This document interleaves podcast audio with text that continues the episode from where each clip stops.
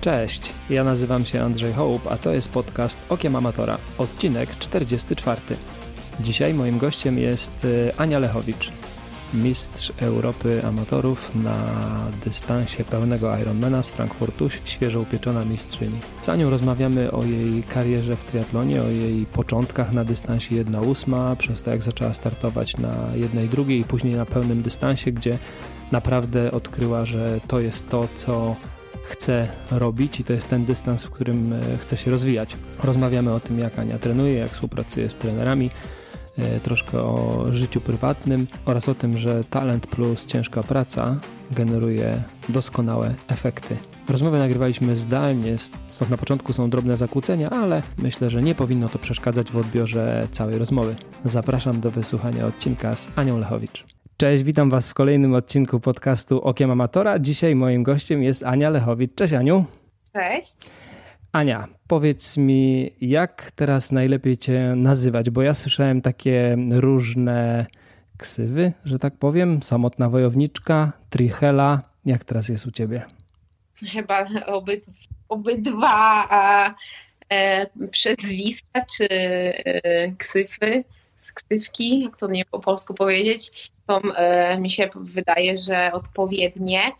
Ci, którzy nie znają jeszcze z trenowania z labosportem, bo tam powstała ta ksywka Hela, e, to się wywodzi po prostu, oni mieli się ze mnie, że mieszkam w Niemczech i jestem po prostu Helga. No i tak zostało Hela. Ale to tak już ci, którzy e, jakby już mnie nie znają z tej strony z Labosportu, to tak naprawdę nie kojarzą o co chodzi Trihela.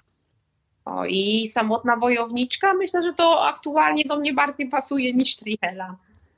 Ale, ale mimo wszystko widziałem, że chyba na, na Facebooku taki profil, y, fanpage, y, występujesz jako Trihela chyba, tak? Tak, bo y, nie mogę tego zmienić, prawda? Parę ale e, jakiś występuje ciągle błąd, e, nie mogę tego zaktualizować i w sumie ja tego mm, profilu e, Ani Lechowicz Trihela, czyli tego fanpage'a, tak mało co używam, szczerze powiedziawszy, zabieram się cały czas do tego, żeby go aktualizować, ale czas mnie bardzo mocno ogranicza. E, no i kończy się tylko na chęciach przeważnie. A szkoda, bo, e, bo, bo, bo, masz wiele e, ciekawych e, tematów do opowiedzenia, więc może chociaż wykorzystamy trochę ten podcast, żeby, żeby nasi słuchacze trochę lepiej Twoją historię poznali, a jest, a jest o czym opowiadać. I tu właśnie chciałbym teraz zacząć od roku 2015. Jeżeli dobrze się doczytałem, to wtedy właśnie zaczęłaś swoją przygodę z triatlonem. Zaraz sobie dojdziemy, jakie to były zawody, ale powiedz mi w ogóle skąd, skąd pomysł na to, żeby, żeby akurat triatlon uprawiać, bo tak wydaje mi się, że jest wiele innych y, równie ciekawych, a zdecydowanie łatwiejszych zajęć sportowych. To znaczy e, przede wszystkim ja do roku 2015, na początku roku 2015 jeszcze nawet nie miałam pojęcia, co to triatlon jest tak naprawdę e, pojechałam, urodziłam w lutym e, moje trzecie dziecko e, i pojechałam w marcu do Polski, do Bydgoszczy na urodziny mojej przyjaciółki ze studiów. I tam poznałam niejakiego Michała Jelskiego, albo w sumie go poznałam już na studiach, a, a tam jak zaczęliśmy rozmawiać o sporcie i on zaczął tak opowiadać, że on trenuje triatlon E, no i e, Michał tak naprawdę gdzieś tam e, zaraził mnie tą, może nie pasją jeszcze wtedy, ale tą ideą, że jest taki sport.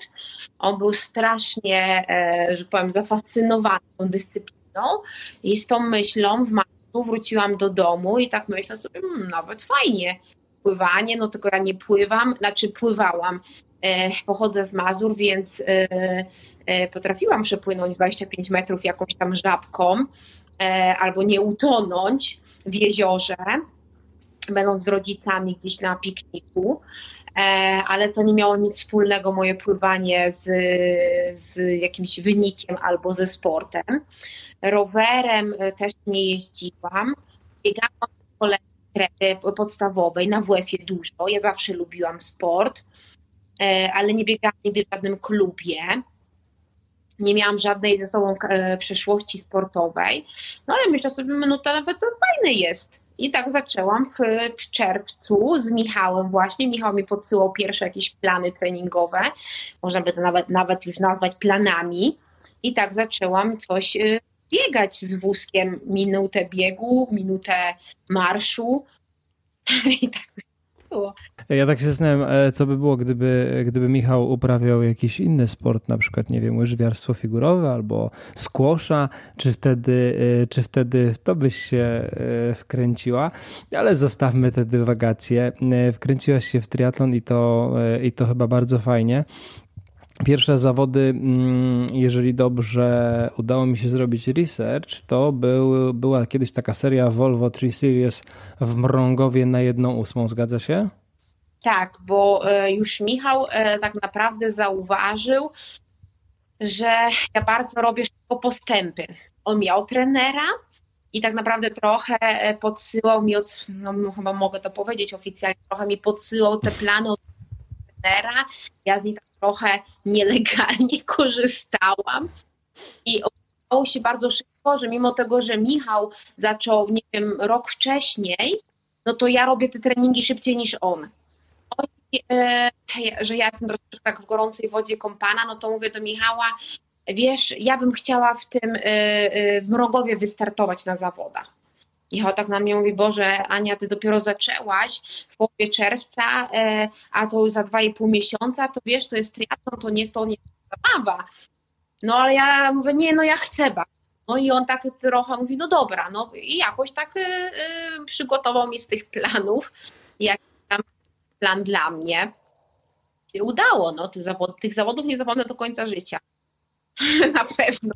A, a, właśnie, opowiedz o tych zawodach. E, po pierwsze, to jak to wspominasz, a po drugie, byłaś gotowa do tego startu? Znaczy, na pewno byłam gotowa mentalnie, ja bardzo chciałam.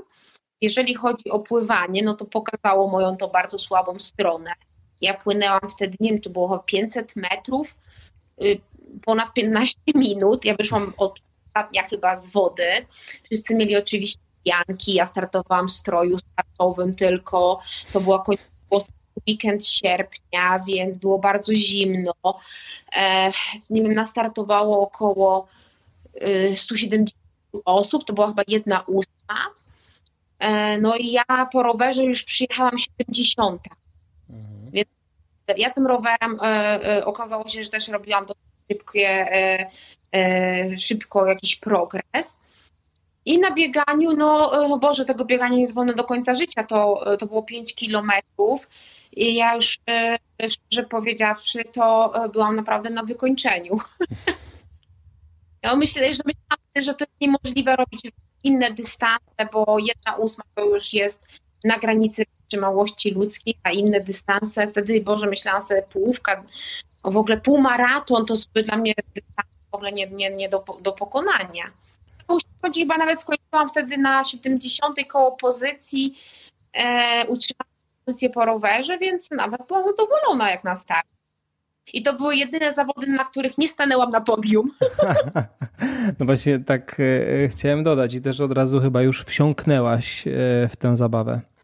Tak, tak. To e, ja wróciłam do domu po tych zawodach wróciłam do Niemiec e, i po dwóch tygodniach stwierdziłam, że chciałabym wystartować e, na wyspie na Morzu Północnym. I tam też zrobiłam jedną czwartą, czy tak, nie, olimpijkę, olimpijkę tam zrobiłam i tam już zajęłam trzecie miejsce w kategorii wiekowej. I od tamtej pory zawsze mi się udaje gdzieś tam, na, oprócz Mistrzostw Świata oczywiście, E, bo tam mi się nie udało nigdy stanąć na, na, przykład, e, na podium e, na tych takich normalnych zawodach światowej. Zawsze mi się udawało potem już gdzieś tam drapać na podium. Nie, Mistrzostwa Świata to ja myślę, że to jeszcze nic straconego.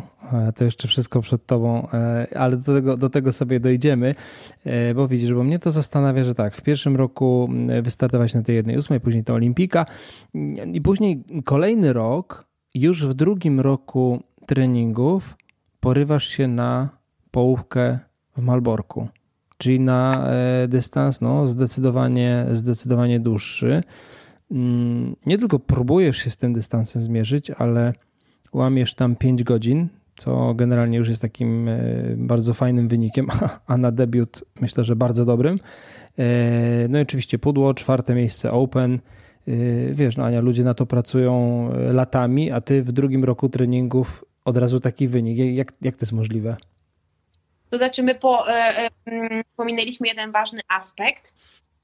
Ja jeszcze e, po tym, jak startowałam na, na tej wyspie na Morzu Północnym, to postanowiłam, że jeszcze pobiegnę półmaraton mhm. jesienią. Ten sam, mówimy dalej o 2015 roku, mhm. czyli zaczynam trenować w maju, czerwcu, tego do końca już nie pamiętam. No i październik przyszedł i ja powiedziałam, że ja chcę pobiec półmaraton. E, oczywiście Michał był w szoku, mówi nie, dystans, może kobieto, ale ja przez Michała poznałam innego kolegę, który był super biegaczem i on mówi, wiesz, ja się podejdę przygotować w cztery tygodnie do tego półmaratonu. On tam sam pobiegł godzinę 15, a ja miałam tylko przebiec. I e, w Gdańsku wtedy pobiegłam godzinę 43 debiucie po y, paru miesiącach y, od rozpoczęcia mojej kariery albo z, sportem, wtedy bym powiedziała przygody jeszcze. I wtedy, wtedy jeszcze mój mąż powiedział, Ania, naprawdę jesteś talentem jakimś, bo normalnie tak się nie dzieje. I Labo Sport, wtedy ta impreza, to wtedy do tej pory organizuje to Labo Sport. Oni rozdawali też ulotki i mój mąż wtedy powiedział, e, Ania, jak chcesz dalej to robić, no to e, musisz mieć trenera, który ci już naprawdę, który cię pokieruje e, i powie, jak masz się przygotować. No i tak, zaczę, tak trafiłam do Piotrka Grzybuszka, który tak naprawdę jakby powiem, że przygotował mnie jako zawodniczkę. Jemu tak tą cały ten, ten cały jakby wynik, który do tej pory robię. Mhm. Czyli, czyli rozumiem, że po tym pierwszym roku i po pierwszym półmaratonie, który ci wyszedł bardzo dobrze na debiut, wtedy już zaczął z tobą pracować trener z Labo i przygotować cię pod ten Malbork. Nie, nie, nie. On mnie przygotowywał pod jedną czwartą. Mhm. Piotrek, e, Piotrek jest e, bardziej opanowany niż ja. On chciał spokojnie zrobić. On mnie przygotował do jednej czwartej. E, wystartowałam z Tężycy, wystartowałam chyba wtedy jeszcze w 2016 roku, jeszcze zrobiłam jedną czwartą, chyba Ślesin. No i po Ślesinie powiedziałam do Piotrka, wiesz, e, ja bym chciała jeszcze połówkę zrobić. On tak na mnie patrzy, to było chyba połowa lipca. Boże, babo, e, ty byś chciała wszystko naraz. A ja mówię, Piotrek, chodź, spróbujemy, e, spróbuj mnie tylko przygotować, jak nie będzie nam, nie będzie szło, będzie mi za dużo, to odpuścimy. I pod takim warunkiem wtedy się Piotrek zgodził, że te sześć tygodni będzie mnie przygotowywał pod Malbork i zobaczymy, czy nam się uda. No i się udało wystartować. A, a jak wspominasz tą połówkę? Że to też był taki trochę szok dla organizmu, że to jednak długi dystans i spory wysiłek. Mm, tak jak po tej jednej ósmej to był, to był limit już możliwości organizmu. Czy, czy tutaj na tej jednej drugiej to już było tak, mm, potrenowałaś, już jakby biegać wcześniej półmaraton, więc teraz to tak naprawdę to była tylko taka pieczątka. Znaczy pamiętam oczywiście pływanie w rzece. Ja nie jestem pływaczką, tak? To e, przeżyłam e, na pewno strasznie. E, rower, trasa jest, nie wiem czy teraz jest zmieniona, ale uważam, że ta trasa jest super. I bardzo szybka, bardzo mi się dobrze jechało, a bieganie jest no, epickie u podnóża zamku. Ja w ogóle biegłam na bardzo wielkim luzie, nawet Piotrek do mnie, on pracował wtedy w labo, do tej pory pracuje w Labosport, mógł jeździć rowerem po trasie i nawet jak do mnie podjeżdżał, to mówię, ty to w ogóle e, mogłabyś trochę y, y, przyspieszyć, bo jak biegniesz i śpiewasz, to wszystkich tylko denerwujesz. Nie, a ty uśmiechem na twarzy sobie biegniesz. I pamiętam, że e, on kontrolował Piotrek wtedy czas i powiedział do mnie 6 kilometrów przed metą, e, że jeżeli bym przyspieszyła, to jestem w stanie powalczyć o trzecie miejsce w Open. A ja nie wiem dlaczego i do tej pory na każdych zawodach dźwięczy mi to w głowie, a ja wtedy powiedziałam, nie, bo nie mam po co. I jak teraz y, zawsze startuję, to tamtych zawodów sobie, e, sobie to przypominam, że byłam czwarta e, i wtedy Piotr powiedział, no Ania, no daj trochę z siebie, nie, e, nie mam po co. To tak mi to dźwięczy, że daję z siebie naprawdę na ostatnich kilometrach wszystko, co mogę. Ale to zupełnie nie pasuje do ciebie taka odpowiedź. Zupełnie, to tylko raz w życiu wtedy tak, e, od tamtej pory już tak nigdy nie zrobiłam. No dobra, jest nadzieja dla nas wszystkich amatorów, e, którzy czasami odpuszczają, że to można zmienić. Jest szansa. Dobra, to e, kontynuujemy dalej to pasmo bo w drugim roku powiedziałem o tej połówce w Malborku. E, I teraz uwaga, jeżeli ktoś nie znał jeszcze tej historii, to w trzecim roku Ania wybiera się do Gdyni na połówkę i tam robi 4,39. Tak? Tak, ale to już y, było zaplanowane. No tak, mam nadzieję, że nie przypadkowo. Tak, to już było, to za tym już stał ogromny trening. E, emocje duże, które mnie tak naprawdę e, brakowało mi doświadczenia jako zawodnik, tak? Piotrek nie miał też ze mną e, łatwej historii, bo ja byłam zupełnie przypadkową osobą, że tak powiem.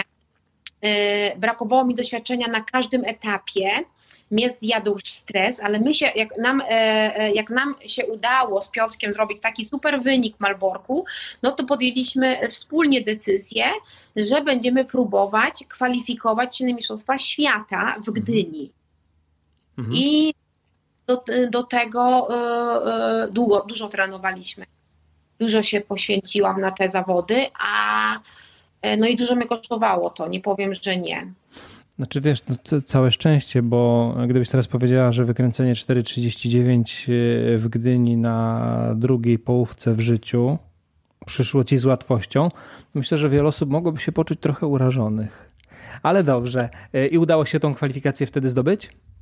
Tak, tak, ja to przepłaciłam mega. Ja, na, ja nie pamiętam ostatnich dwóch kilometrów. Popełniłam bardzo dużo błędów na rowerze, za mało piłam, stres i mhm.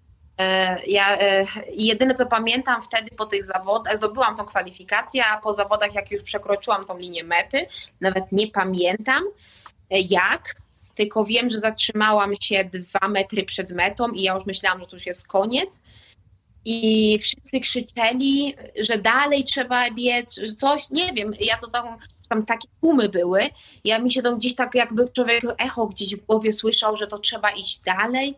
Więc ja jeszcze te dwa metry dalej przeszłam i się już na mecie mnie zabrali, tylko pamiętam, że powiedziałam, znajdźcie mojego męża, potrzebuję kroplówkę. Mhm. I wiem, że się już potem obudziłam e, w namiocie z tym mhm. ratunkiem.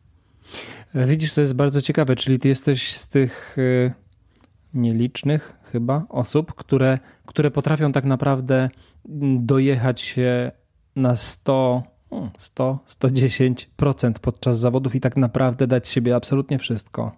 Tak, to mi się rzadko zdarzył, zdarza, ale e, zdarza mi się do dzisiaj, niestety, e, że e, no, to były, tak naprawdę to dla mnie to są dwa takie, dwa takie zawody. Gdynia, wtedy pierwsza moja połówka i Frankfurt dwa lata temu gdzie ja też e, mało co pamiętam, e, jak przekraczałam linię mety, a potem jeszcze kontrola antydopingowa, na której siedziałam 5 godzin.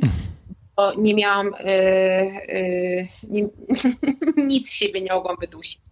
Nie, no jasne, jasne, to wiadomo jak to działa. Odwodnienie, mimo to, że cały czas pijesz na, na zawodach, to później faktycznie zanim organizm zacznie normalnie funkcjonować, to, to jednak trochę czasu mija, nie? Tak, zdecydowanie. Mm. E, a jeszcze wracając na chwilę do tego 2017 roku, kwalifikacja na Mistrzostwa Świata na połówce, ale też nie powiedzieliśmy wszystkiego. Tam jeszcze była Barcelona, debiut na pełnym dystansie i uwaga, na debiucie 9.21, tak? Tak, tak. No, to są zawody owiane ogromną historią. E, ja jak złamałam 5 godzin w Markorku, to oczywiście mój temperament przejął górę. No i mówię do Piotra, do Piotruś, do Grzeguszka, Gregor, to idziemy za ciosem, ja chcę jeszcze balkonem. A on mówi, Boże, nie, no nie, mówi, nie, nie, ty już jesteś nie, nie, nie, niepoważna, chodź spróbujmy. I fajne było to, że ja po tej Gdyni zrobiłam dwa i pół tygodnia roztrenowania i zaczęłam jakby ze świeżości znowu trenować pod Ironmana. Faktem, że e, e, pod Ironmana tak naprawdę robi się duża objętość, ale nie robi się dużej intensywności. Trochę wygląda. Ja osobiście półówek Ironmana to nienawidzę, bo, bo to e, już bardziej zbliżone do dystansu olimpijskiego niż do pełnego Ironmana. Mm. E, więc e, ja odpoczęłam i trening wyszedł całkiem przyzwoicie. Tak naprawdę, e, co rozwijał, rozwinęło się z czasem, no to to, że chyba gdzieś tam jestem takim ogromnym talentem biegowym. Mnie na każdych zawodach ratuje dobry bieg. I w Barcelonie też pobiegłam 3,16. Była super pogoda, chłodniutko. Ja biegłam pierwszy maraton w życiu nie wiedziałam jak to pobiec. Piotr Grzegórzek mnie żebym do 27 kilometra wyglądała i dbała o siebie. Mówi, dobiegnij do 27 kilometra w jak najlepszym stanie, żebyś mogła potem jeszcze biec. No i tak zrobiłam. E, ja pamiętam, że e, e, miałyśmy porównywalny czas z Eweliną Pisarek, Wołoś, ona teraz jest mhm. Ja zrobiłam 3,16, chyba 16, a Ewelina 3,16,02. Maraton, gdzie ona jest doświadczonym biegaczem. Razem startował, razem zaczynałyśmy maraton, to ona mnie tak wyprzedziła, jakbym ja stała w miejscu. I y, okazało się ta taktyka dla mnie od Gregora wtedy, że zacząć powoli, a potem przyspieszać, okazało się wtedy dla mnie naprawdę y, strzałem w dziesiątkę. Pierwszy maraton na Ironmanie Czyli już na zmęczeniu 3,16. No tak. ja czekałem na jakiś rozwinięty komentarz. E, Okej, okay. ale to wiesz, że to, e, to, to, to, wyglądało e, bardzo dziwnie i tam chyba nawet jakieś trochę kontrowersje się pojawiały, że, że to jest e, mm, no, praktycznie niemożliwe, żeby tak szybko wejść na tak wysoki poziom na, y, na długim dystansie. I teraz też jak tak Ciebie słucham, dwa tygodnie roztrenowania po tej Gdyni, gdzie było mocne przygotowanie i potem od razu ruszyłaś z przygotowaniem do długiego dystansu, to, to też chyba trzeba mieć jakieś takie jednak predyspozycje też y, fizyczne, że kontuzje się Ciebie nie trzymają. Znaczy ja bez kontuzji też nie przeszłam. E, ja tam gdzieś mi łapałam, miałam mi zerwane e, więzadło podeszwowe, e, miałam gdzieś, teraz, teraz na pewno robię jogę i dbam bardziej o to, chociaż nie chodzę do fizjoterapeuty, a wtedy chodziłam regularnie, działo ze mną wtedy, jak chodziłam regularnie do fizjoterapeuty, to zaniedbywałam rozciąganie, rolowanie, bo myślałam, że tam w pół godziny to załatwi tak naprawdę e, e, teraz, rok teraz, ten rok, który naprawdę jest dla mnie e, najlepszym sezonem, jakim do tej pory miałam, to nie byłam razu u fizjoterapeuty, ale kładę sama w domu nacisk na rolowanie normat, normateki mam, czyli te do masażu, Nogawki. do nogawki, które polecam każdemu, Boże, ja bez nich bym sobie chyba nie poradziła. E, ja w nich śpię docelowo na 2,5 godziny nastawiam i codziennie w nich śpię. Mi naprawdę te nawet wibrowanie czy te e, szum nie przeszkadza. E, czy było zamieszanie? Tak, tam przy tej Barcelonie było ogromne zamieszanie, bo e, ja się nikomu nie dziwię.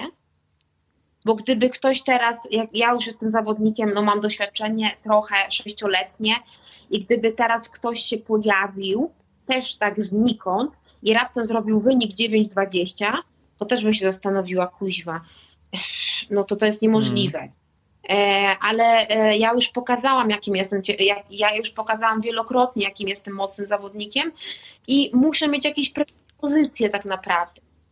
Może też, e, e, okej, okay, ja nie trenowałam, ale bardzo szybko y, urodziłam dziecko, bo miałam 18 lat, jak urodziłam pierwsze dziecko.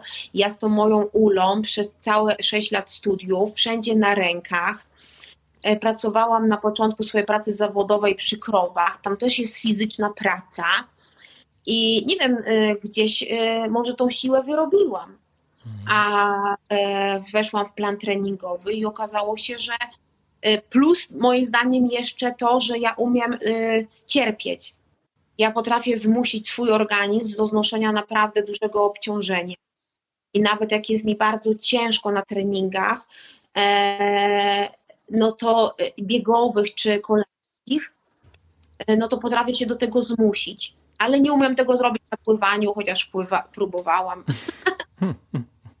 Głowa kompletnie nie chce pływać E, pływam naturalnie, ale żebym popływa, pływała tak dużo i tak potrafiła się zmusić do takiego obciążenia jak na bieganiu, to nie jestem w stanie. E, Okej, okay, dobra, czyli tutaj e, mieliśmy tą, tą Barcelonę, ale jeszcze, mm, żeby wrócić na chwilkę do tego wyniku, e, to też wtedy po, na, na debiucie pełnego dystansu zakwalifikowałaś się na Hawaje, tak? Dokładnie. Byłam, te, no. byłam naj, najszybszą, najszybszą age i, yy, i stwierdziliśmy wtedy z Piotrkiem Grzebuszkiem, że yy, dla mnie ten dystans Ironmana po prostu leży. I na tym dystansie chcieliśmy się tak naprawdę skupić. Mhm. No i to zapewne była, e, była bardzo, dobra, e, bardzo dobra decyzja.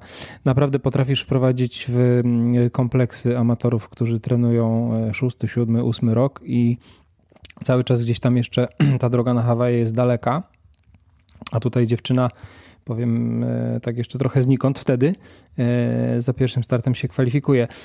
Tak się zastanawiam, ty, ty, masz dużo czasu na trening, jakby tam nie pracujesz, sobie tylko trenujesz, regenerujesz jak to wygląda?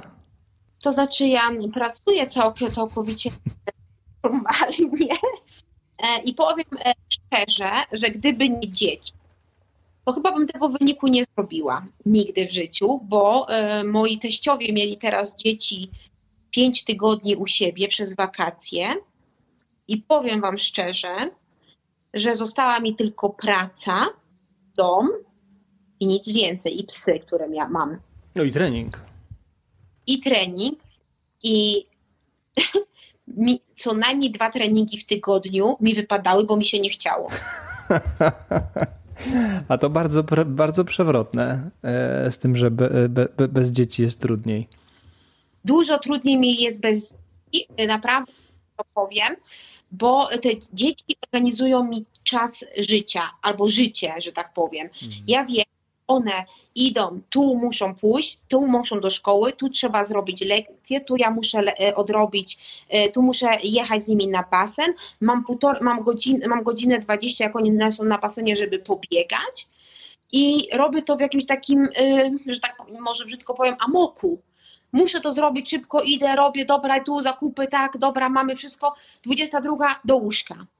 A jak nie było tych dzieci, ja pracuję na 3 czwarte etatu, no to mi się wydawało, że mam tyle czasu. Ja to wieczorem siadłam a miałam jeszcze pobiegać 12 kilometrów, ale szczerze powiedziawszy, to mi się nie chce.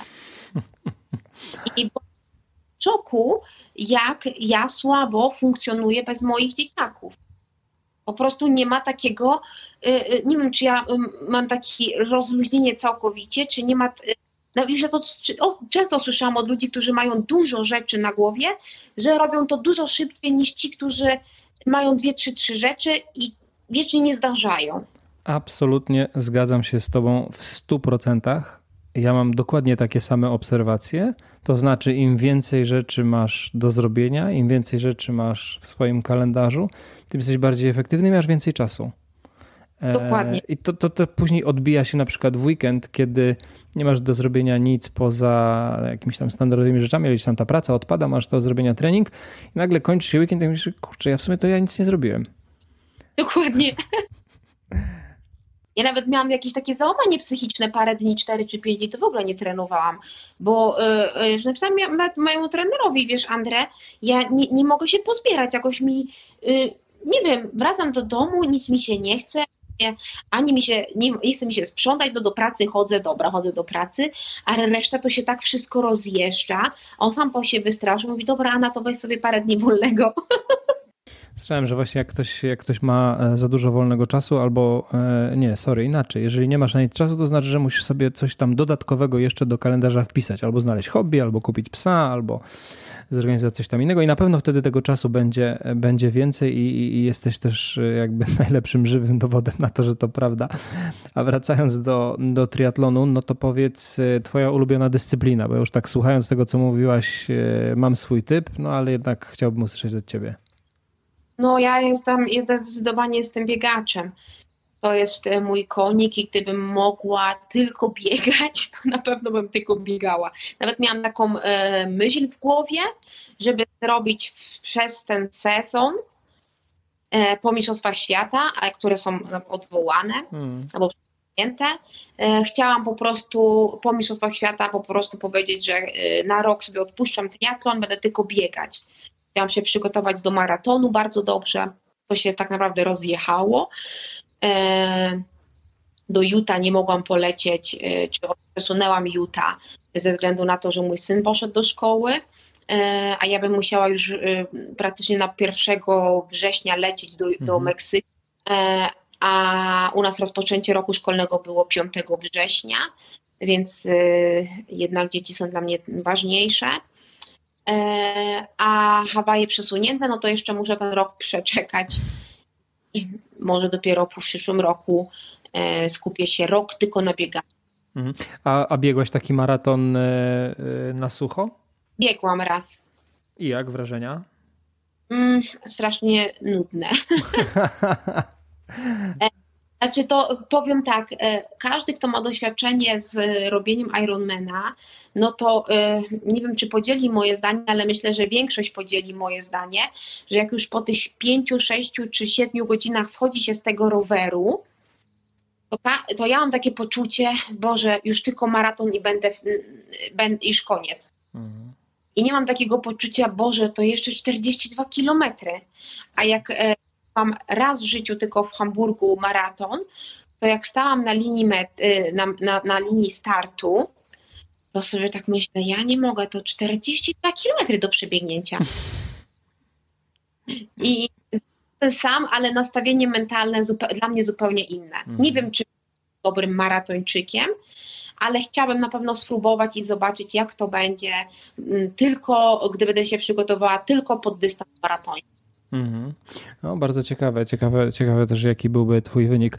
E, tak, a, a propos tego Ironmana, to ja po debiucie mm, miałem takie wrażenie po zejściu z roweru, może nie, że no już tylko, e, tylko maraton, ale bardziej tak kurczę, jak dobrze, że już nie trzeba pedałować i wreszcie można zacząć robić coś innego.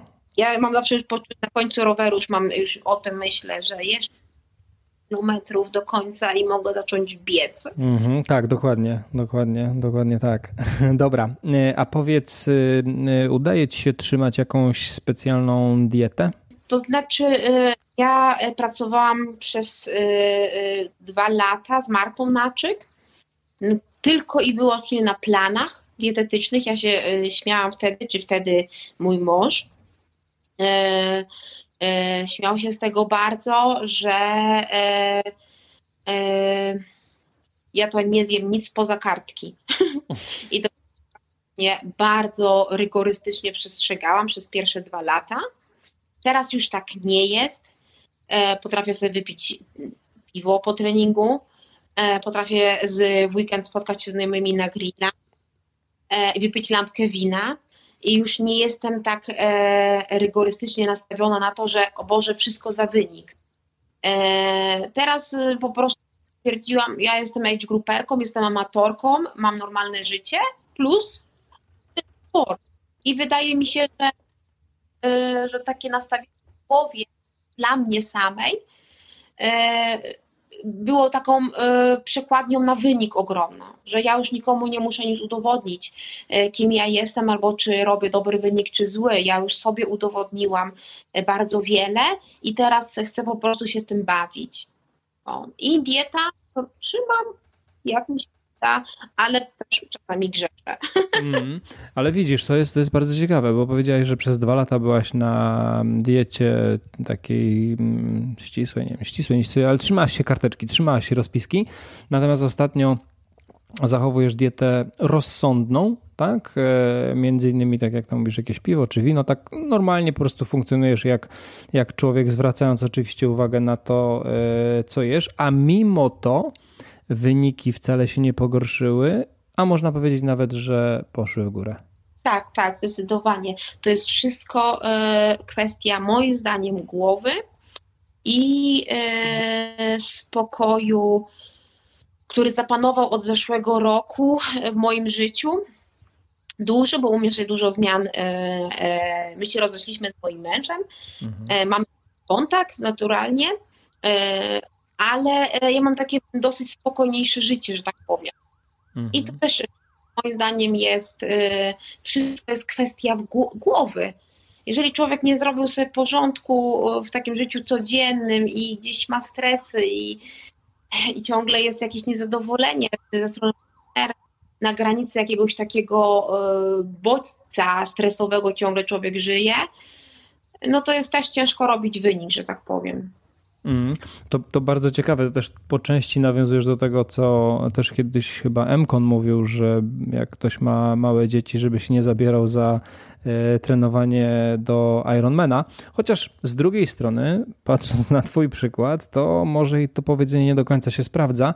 E, ja tu bardziej odnosiłem chyba do tego, żeby poukładać sobie te sprawy w życiu i mieć taki spokój w głowie, o którym mówiłaś, nie? Że, że, że, że to jest potrzebne do tego, żeby te treningi dobrze wchodziły e, i żeby gdzieś był ten balans taki psychofizyczny ogólny.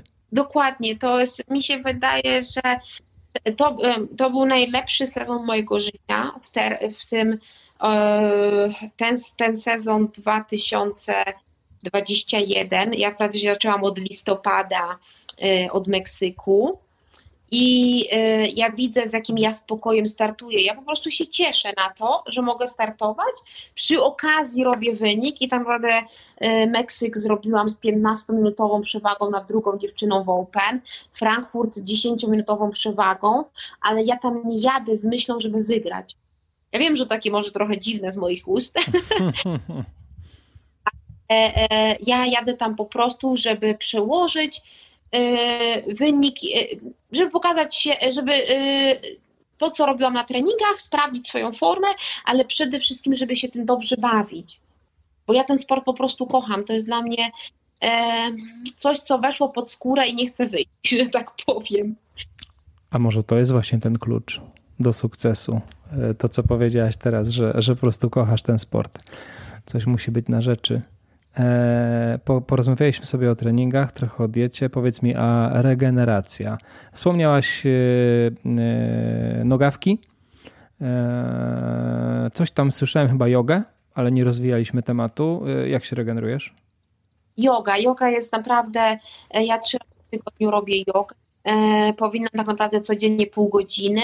Mam taką e, e, koleżankę, znajomą, która mi wysyła takie plany treningowe i uważam, że jeżeli człowiek robi to regularnie, to jest klucz do, klucz do sukcesu, naprawdę ogromny sukces. Ja nie chodziłam do fizjoterapeuty nie, nie dlatego, że uważam, że wręcz przeciwnie, prostu ze względów finansowych.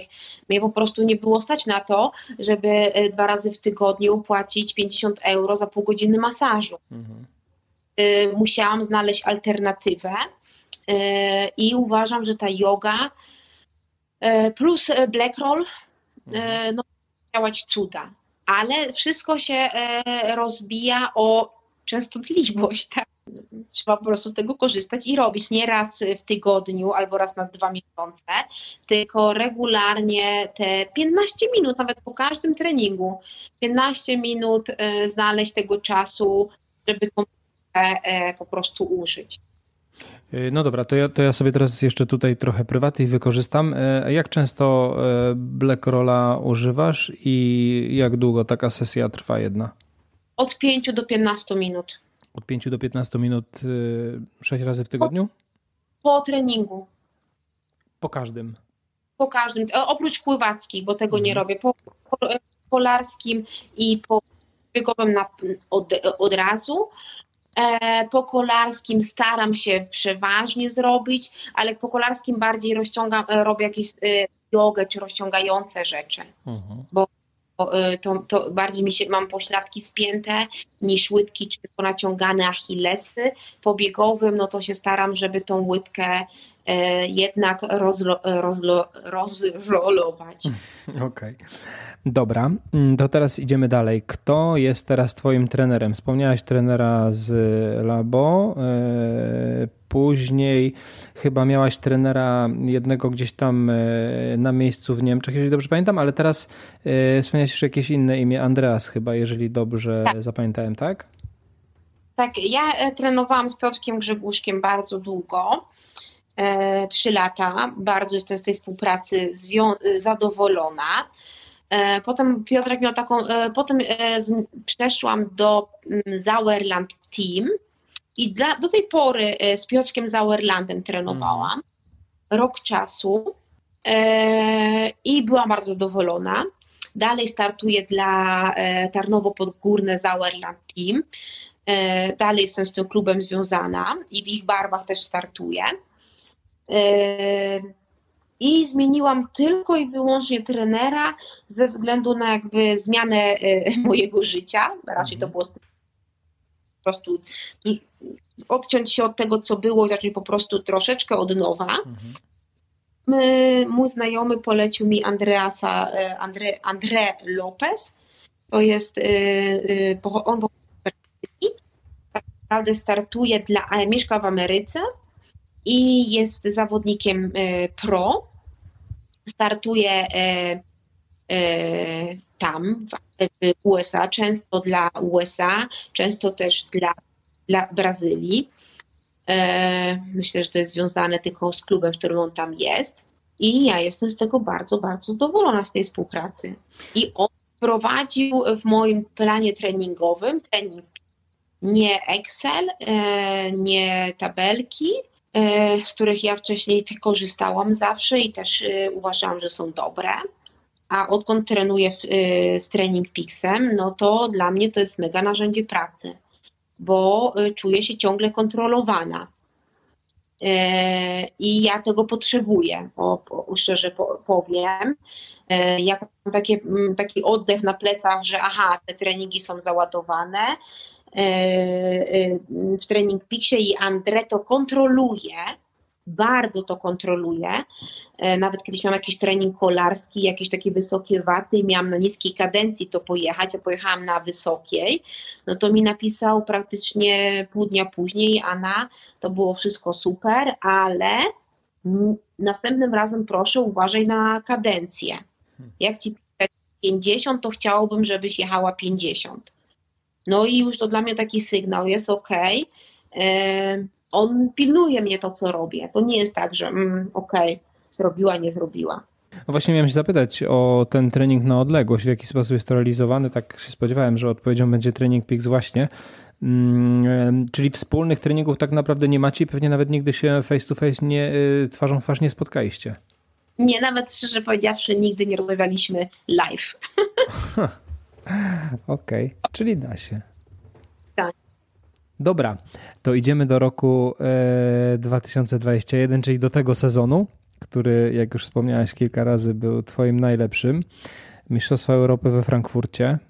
9,50, 10 minut przewagi nad kolejną zawodniczką, tak jak powiedziałaś, i jednocześnie mistrzyni Europy amatorów na dystansie Ironmana.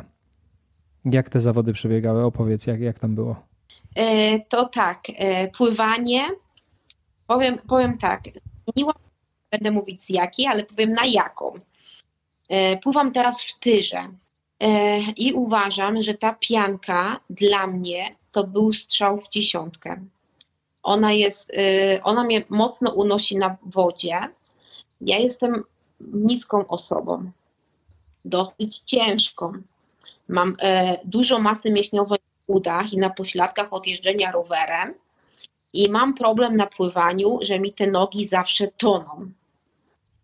I ta pianka jest dla mnie idealna, ona mnie unosi na wodzie, ma jest cienka na ramionach, czyli ja mam silne ramiona, więc mogę to sobie spokojnie na siłę przyłożyć, ona mnie nie krępuje i ja popłynęłam we Frankfurcie 10 minut szybciej niż dwa lata temu. Pomimo tego, że trening pływacki u mnie tak naprawdę nie funkcjonował, bo u mnie baseny były 10 miesięcy zamknięte, a potem pływałam 2-3 razy w tygodniu. Więc y, trasa y, pływacka, jak ja wyszłam z wody i zobaczyłam godzinę 4 na zegarku, to myślę, wow, to będzie mój dzień. Problem się zaczął w momencie e, takim, kiedy e, mój przyjaciel mi krzyknął, że jestem trzynastka na wyjściu z roweru. No to dobra, no to trzynasta, w sumie to nie najgorsze miejsce jak na mnie, z moim słabym, jak do tej pory, pływaniem, to y, jest petarda. No to gonię na tym rowerze i gonię, i gonię, i jadę tam 39 na godzinę, 40 kilometrów i nie wyprzedzam nikogo. No i myślę, Boże, gdzie one wszystkie są, te baby? I mówię, jak ja jadę 39 na godzinę i nikogo nie mogę wyprzedzić, to nie wiem, jak one są już mocne. A e, nie należy zapomnieć o tym, że ja startowałam e, jako zawodnicz, jakby zawodniczka pro. Czyli to, tak w cudzysłowie można powiedzieć, bo w, na Mistrzostwach Europy we Frankfurcie nie startowały kobiety pro. A wszystko e, nagrywała telewizja. No i telewizja powiedziała, ej słuchajcie, my potrzebujemy kobiety, które też tam staną i się zaprezentują, tak? I wszystkie kobiety ze statusem Ava Gold startowały jak kobiety pro. Mhm. Więc jak ja po tych 40 kilometrach nikogo nie tą myślą, że ja startowałam pierwsza do wody, czego nigdy nie zrobiłam wcześniej, no to nie wiedziałam, gdzie one już są. I jadę już te, o, o, między 40 a 60 kilometrem, to już byłam taka zmęczona, że mówię, a już mi się nie chce tego Ironmana, już mi się nie chce tego roweru, E, e, I podjeżdża do mnie sędzia i mówi do mnie: Jesteś trzecia w Open. Ja mówię: Jak ja jestem trzecia w Open? No mówi: Jesteś trzecia, przed tobą jest zawodniczka druga i masz trzy minuty straty. A ja mówię: Nie, no to jest niemożliwe. No i tak myślę sobie: No chyba by mnie nie okłamał, tak? jechał ze mną bardzo długo y, tym motocyklem, czy tam za mną no to myślę, no to jak trzy minuty przede mną, no to jakoś nadrobię. No i tak zaczęłam dopiero e, jechać, jak weszłam na jakieś swoje obroty, zmotywowałam się i wyprzedzi, wyprzedziłam drugą i trzecią dziewczynę na rowerze. E, I mi sędzia powiedział od 130 km, że jestem pierwsza. Hmm. I tam już jechałam na spokojnie te swoje 50, dalsze 50 kilometrów z myślą, że jestem pierwsza. On jechał dalej bardzo długo ze mną na tym motocyklu. E, I zdziwiłam się, jak weszłam do strefy zmian, bo okazało się, że jestem druga. W każdym razie zaczął, zaczął ze mną jechać rower i po, po czterech kilometrach mówi do mnie e, dziewczyna, to jest bardzo super jechać z kimś, kto cię e, tak naprawdę e, e może tam e, pomagać tak naprawdę. Mhm bo oni ze mną rozmawiali cały czas e, i mówili, że ja najszybciej biegnę, biegnę ze wszystkich dziewczyn i że już po pięciu kilometrach maratonu jestem pierwsza. I nawet po pierwszych dwóch okrążeniach, kiedy biegłam tam swoje, no to nawet mówił mi ten chłopaczek, co ja ze mną na rowerze, mówi, nie musisz, możesz sobie spokojnie przejść przez strefy zmian, przez punkty odżywcze, mhm. możesz napić, masz przewagę, więc nie musisz się śpieszyć. Zdziwiło mnie trochę na 30 kilometrze, kiedy mój partner mi krzyknął, e, Ania, przyspiesz, bo za tobą jest y, dziewczyna, która biegnie szybciej. I faktycznie, gdyby ona utrzymała te tempo biegu, na którym była planowana, to ja bym te Mistrzostwa, Mistrzostwa Europy przegrała. Tego nikt nie wie, ja też tego nie wiedziałam. Na początku myślałam, za co mnie tam ukłamuje i w ogóle opowiada. E, okazało się, że e, dziewczyna, która docelowo startowała na Hawajach, była chyba nawet 45 kategoria, czyli to taki jakby trochę M-kon. E, była szacowana, że pobiegnie na 3 godziny 15 e, i ona tempa tego nie utrzymała. I mój Bert mi tylko krzyczał, Ania przyspiesz, bo e, nie to, że sobie będziesz teraz chodziła przez punkty odżywcze i stała sobie pod zimną wodą, się chłodziła, a na przegrasz o pół minuty. Mhm ale w każdym razie ona nie wytrzymała tego tempa i ja miałam 10-minutową przewagę.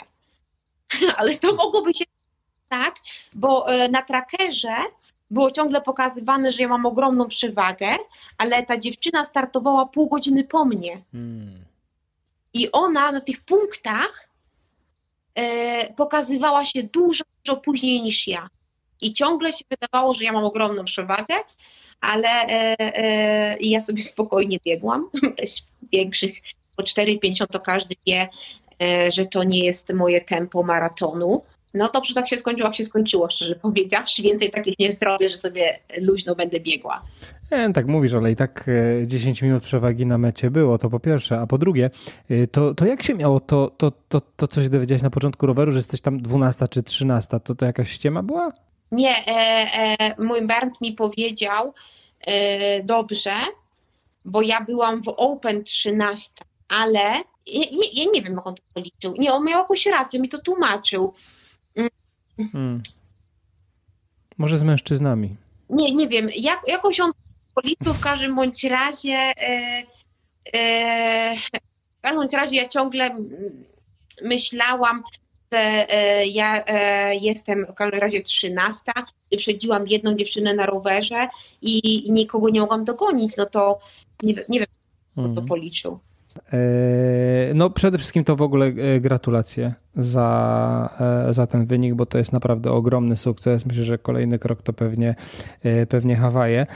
Ale jeszcze zanim, zanim o tym, to które zawody najlepiej wspominasz z tych, w których startowałeś do tej pory i dlaczego? Tak, Meksyk to moje najlepsze zawody, albo zawody, które są dla mnie mm, chyba w sercu najważniejsze. Z dwóch powodów, z powodów prywatnych tak naprawdę,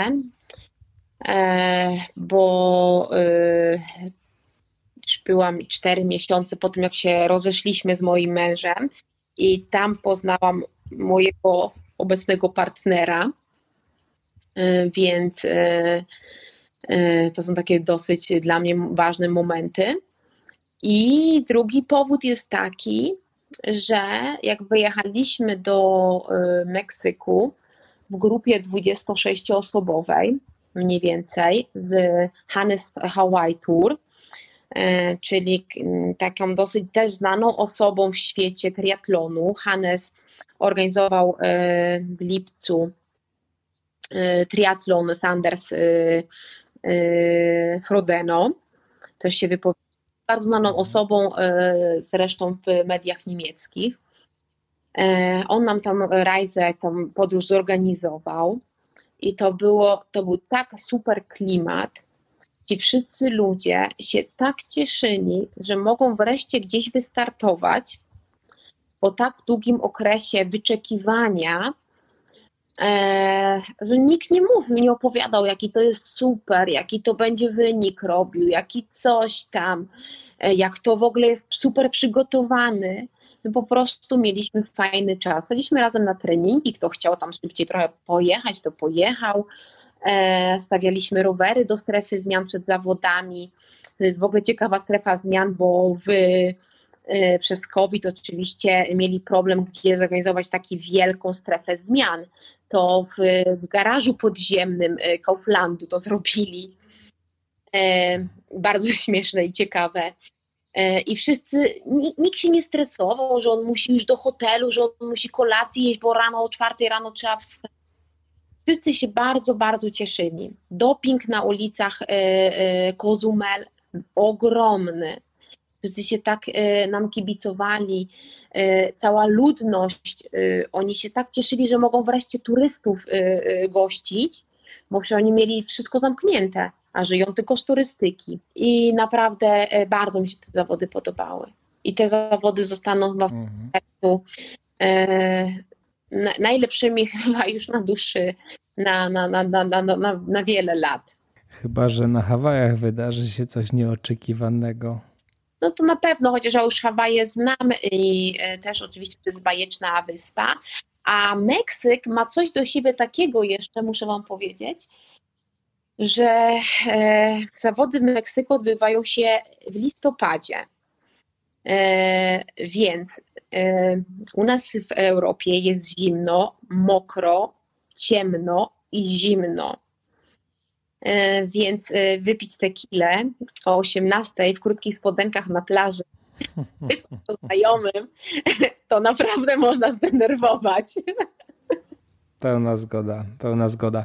E, dobra, e, Ania, powoli będziemy e, zmierzali już do brzegu. E, jeszcze tak zacząłem o te Hawaje męczyć.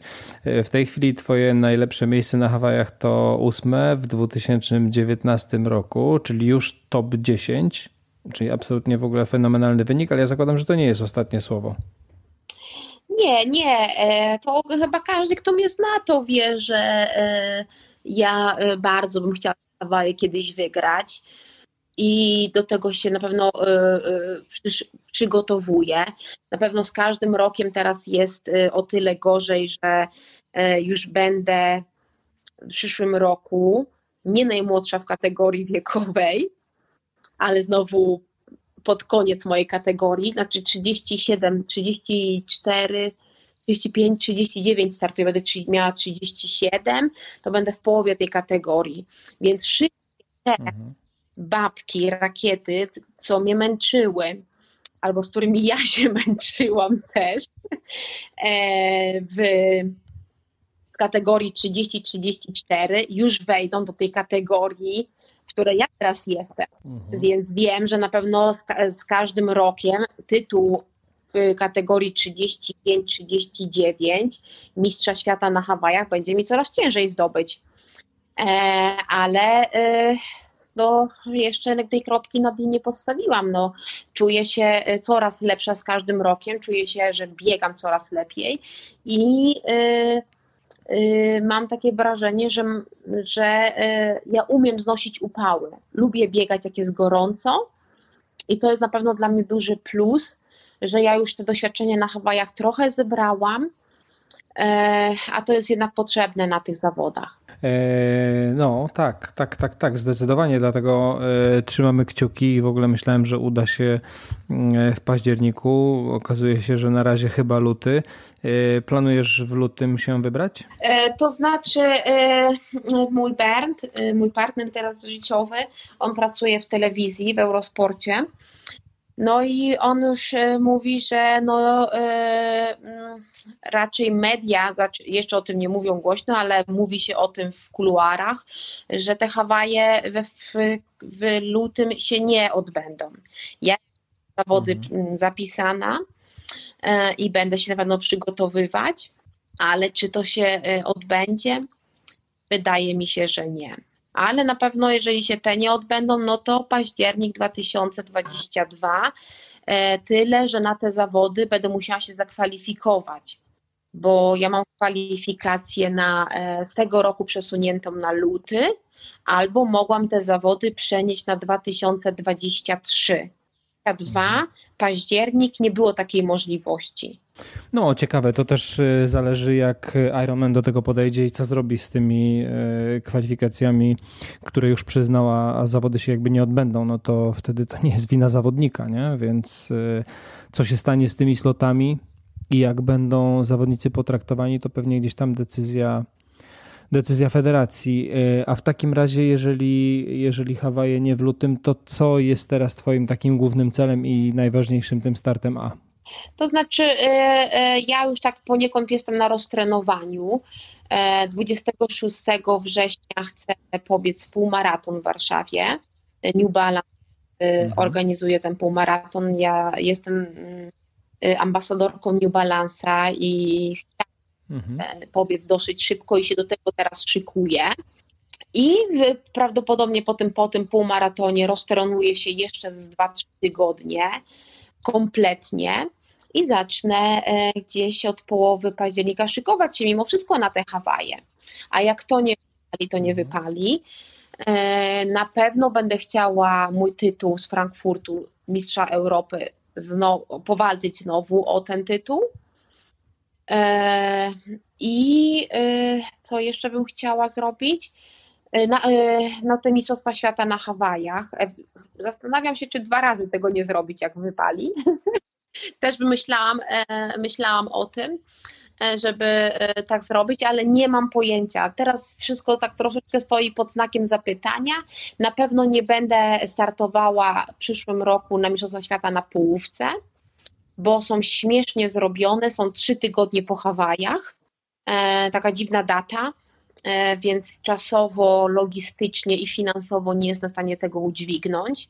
I tak zastanawiam się nad Polską, może Gdynię bym zrobiła. E, a na pewno jestem zakwalifikowana, mam e, e, w dniu Frankfurtu w czerwcu, jestem zapisana już na Finlandię, bo przesuwali mi tyle pakietów, że wszystkie są na ostatni weekend czerwca. Więc myślę, że w dobie tej całej korony to trzeba po prostu troszkę poczekać, może zobaczyć, jak to się wszystko rozwinie. Na razie tak wielkiego pl planu startowego nie mam.